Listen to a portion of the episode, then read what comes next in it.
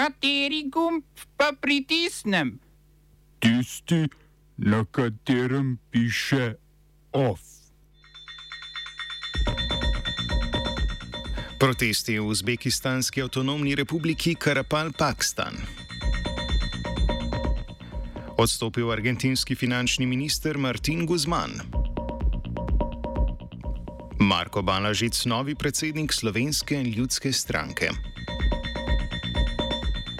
Predsedniško kandidaturo napovedal tudi Anže Logar.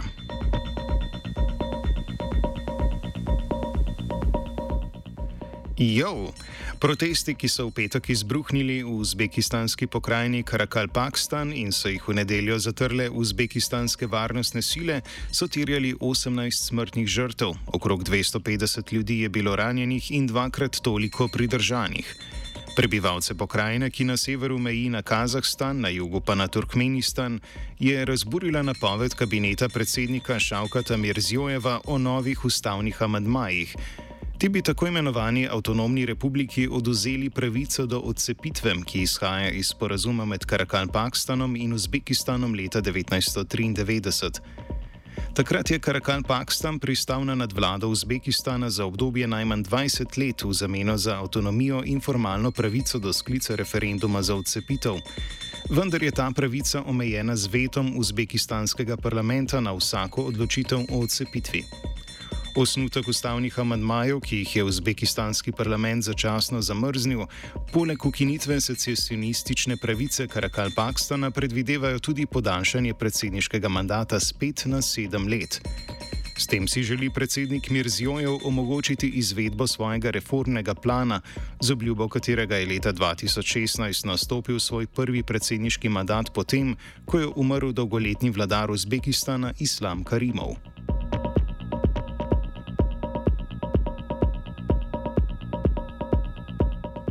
Dan več kot v Uzbekistanu potekajo protesti v sudanski prestolnici Khartoum.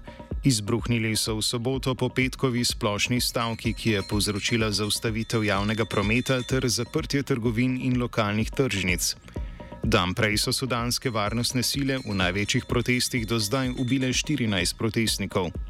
V četrtek so v Khartumu prekinili tudi dostop do interneta, kar je prvič od oktobra, da je bil dostop do spleta blokiran že pred shodi.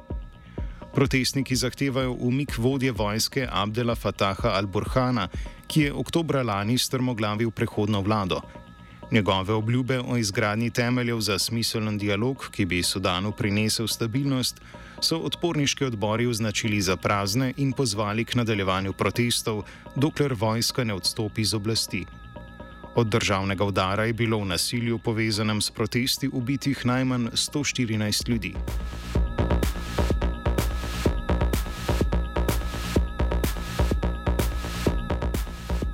Selimo se na skrajni jug Latinske Amerike, v Argentino, kjer se finančna kriza spet poglablja.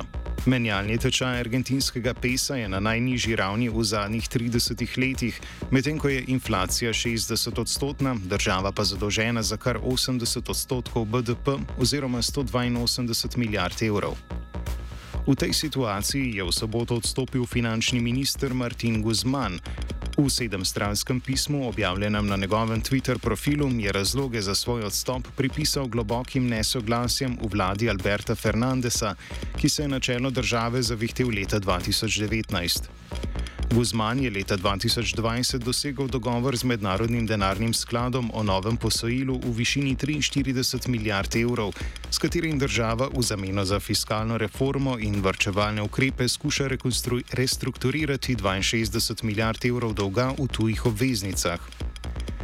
Guzmanovi fiskalni politiki je v zadnjih dveh letih najbolj nasprotovala nekdanja predsednica in trenutna podpredsednica vlade Kristina Fernandez de Kirchner, sicer tudi vodja najštevilčnejše frakcije vladajoče stranke, predvsemi.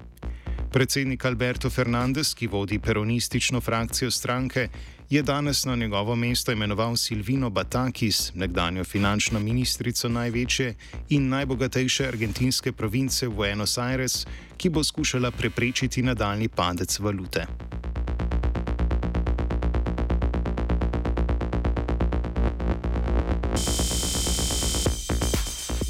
S podobnimi težavami pa se sooča tudi turški predsednik Recep Tayyip Erdoğan. Stopnja inflacije v Turčiji je v juniju narasla na kar 80 odstotkov. Nekonvencionalna monetarna politika turškega predsednika in vojna v Ukrajini, ki povzroča motnje pri uvozu hrane in energentov, sta tako povzročili največje zvišanje inflacije od leta 1998. Erdoğan, ki se ne ozira na splošno sprejeto mnenje med ekonomisti, da zvišanje obrestnih mer zavira inflacijo, je centralni banki naročil naj svojo referenčno obrestno mero zadolževanja ohranja daleč pod ravnjo inflacije. Posledično je lira v zadnjih 12 mesecih izgubila 48 odstotkov vrednosti v primerjavi z dolarjem. Padec valute je bil glavno gonilo rasti cen v državi, ki je odvisna od uvoza energentov.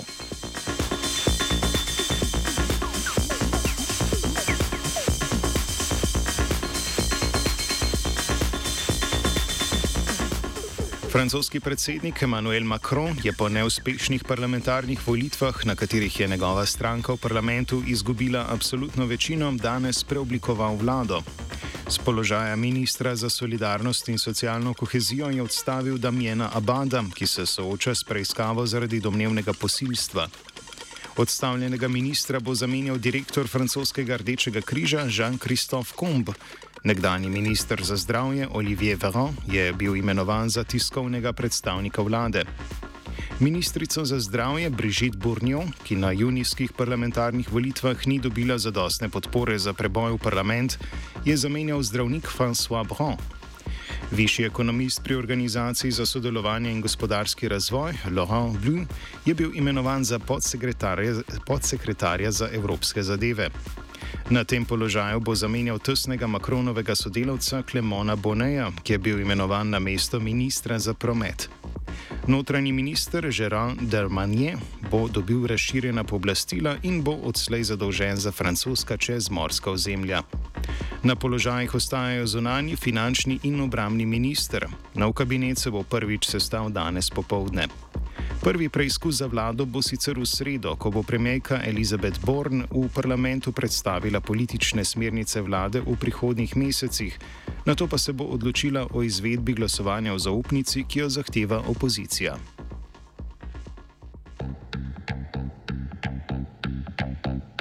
Smo se osamosvojili, nismo se pa osvobodili. Naslednje štiri leta še 500 projektov izpiljene modele, kako so se strani nekdanje LDS rotirali. Ko to dvoje zmešamo v pravilno zmes, dobimo zgodbo o uspehu. Takemu političnemu razvoju se reče udar. Jaz to vem, da je nezakonito, ampak kaj nam pa ostane? Brutalni obračun s politično korupcijo. To je Slovenija, tukaj je naša zemlja, to je Slovenija, Slovenija, Slovenija. Opravljanje kazni v koloniji Slovenske demokratske stranke je doletelo Anžeta Logarja. Poslanec je namreč napovedal kandidaturo za predsedniške volitve. Kandidaturo bo vložil s podpisi državljanov, SDS pa ga bo na volitvah podprla. Ker bodo predsedniške volitve časovno blizu lokalnim volitvam, se je Logar tokrat očitno uspel izogniti soočenjem z večnim ljubljanskim županom Zoranom Jankovičem. V danem trenutku, v času, ko je slovenska družba žal precej razdeljena, pa tudi izzivi, ki so pred nami, varnostne grožne, eh, terjajo eh, zelo tehtno sodelovanje eh, vseh političnih, na nek način, subjektov, civilne družbe, strokovnjakov in tudi podjetniškega sektorja. In ravno v tej situaciji smatram, da je eh, funkcija predsednika republike najpomembnejša politična funkcija, ki lahko združi te različne poglede in prinese v slovenski prostor to potrebno enotnost.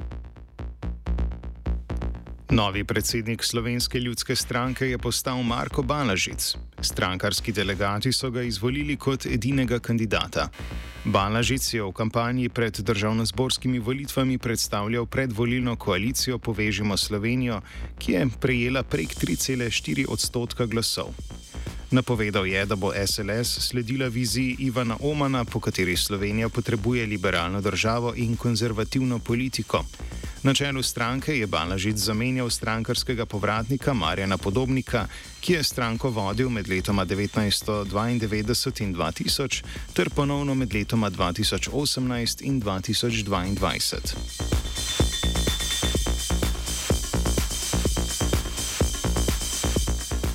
Združenje občin Slovenije se ne strinja z izračuni povprečnin Ministrstva za finance za naslednji dve leti. Za leti 2023 in 2024 zahtevajo za več kot 100 evrov više povprečnine, torej izplačilo povprečnih stroškov na prebivalca občine. Po mnenju Združenja občin je finančno ministrstvo pocenilo dejanske stroške, saj v izračun ni vključilo podatkov Ministrstva za okolje in prostor, Ministrstva za kmetijstvo in drugih resorjev, ki občinam nalagajo nova bremena.